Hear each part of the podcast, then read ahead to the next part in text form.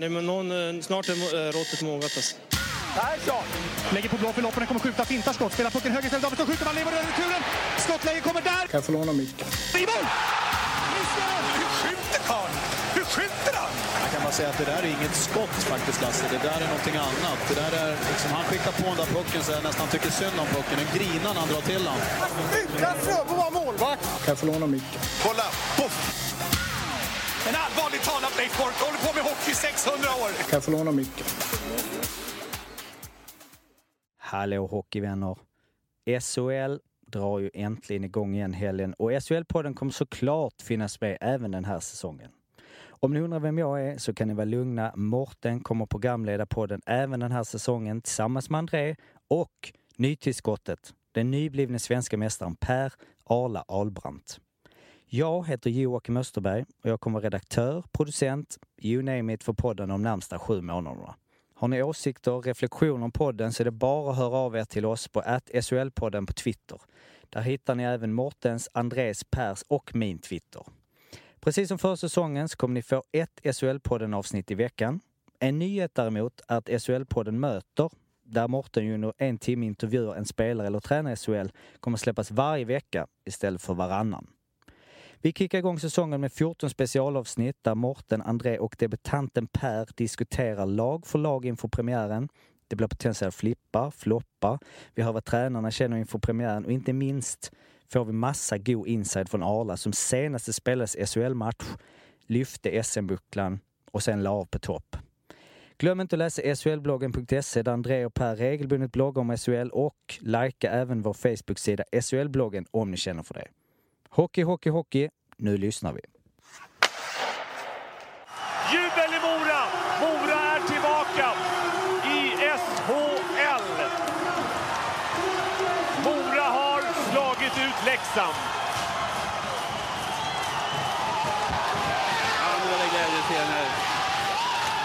Naturligtvis. Och det är de värda, de här killarna som har gjort en fantastisk säsong, det måste man säga. De har varit outstanding bäst i Hockeyallsvenskan från egentligen första match framåt. Och speciellt som du var inne på, när man förstärkte och fick in Christian Engström, Engstrand i målet och ett par riktigt värdefulla backpjäser, så lyfter det en, ännu en nivå till. Eh, Mattias Galin, Mora IK. Något utropstecken, något en extra bra feeling kring eh, Mora i år? Ja, det är väl framförallt eh, eh, att vi... Det känns som vi kommer att spela för varann eh, och det kommer att krävas.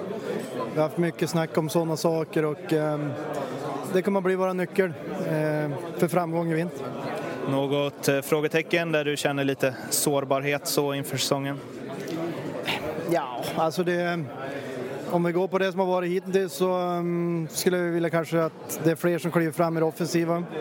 Um, powerplay har vi, har vi inte lyckats um, jättebra på än så länge, men vi har inte, vi har inte kört så länge heller på det. Uh, men det är eh, just det offensiva som ja, kanske vi måste steppa upp lite. Um, om vi tittar på spelare bortom de givna som det pratas om, någon som den övriga SHL-publiken ska hålla ett öga på? Eh, en ung eh, lovande tjeck, eh, David Cachet, eh, var det fantastiskt bra hittills. Eh, så han har överraskat väldigt, väldigt mycket på alla. Eh, så det, det kan vara en kille att hålla koll på. Om du lyfter blicken från eh, Dalarna och kollar i era, hos era konkurrenter, finns det någon spelare du är lite extra nyfiken på att följa i år? Det är klart, det finns ju jättemånga, men ska jag ta någon så tror jag ändå säger Ryan Lash. Eh, kul att se han igen och en väldigt duktig spelare. Mora IK alltså etta i Hockeyallsvenskan förra året på imponerande 105 poäng och vann sedan eh, en kvalrysare slaget om Siljan 4-2 i matcher mot Leksand och är alltså nykomling i årets SHL. Arla, flipp här. Ja, men flippen blir eh, liksom den positiva känslan att komma in med eh, i säsongen. De eh, gjorde det fantastiskt bra förra säsongen och även farten gillar jag. Det, det är bra egenskap i dagens SHL.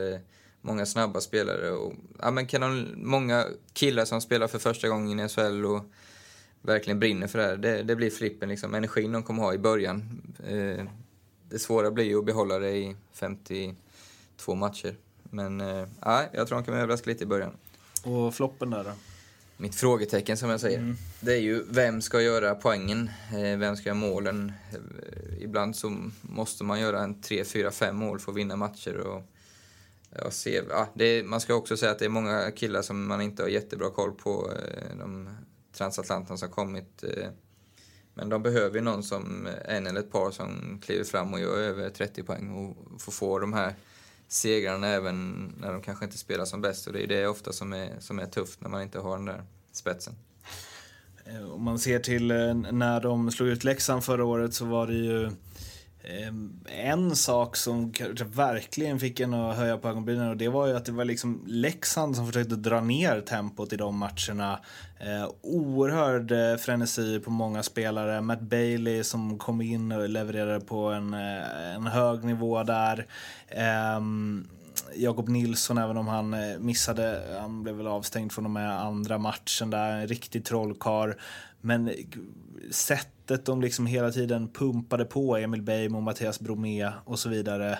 Eh, oerhört imponerande. Mycket tillskrevs ju dock eh, den förre tränaren, Jeremy Collington, som lämnade för ett uppdrag i Chicagos organisation, tror jag.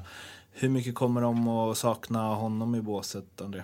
Jag tror de kommer att sakna Collington en hel del. Sen ska jag liksom inte säga att Mattias Karin är någon dålig ersättare. Han är också en väldigt intressant tränare som eh, eh, också på frammarsch. Liksom. Så han, det tycker jag var en intressant ersättare. Sen är det synd för Colliton hade något spännande på gång kände jag. Han hade liksom byggt upp ett eh, härligt eh, arbetande lag och eh, fått många att utvecklas eh, på bra sätt. Så att, eh, lite tråkigt att han lämnar men, men nu är det liksom som det är. Och, eh, jag ser lite att Karlin också kan göra det jättebra här.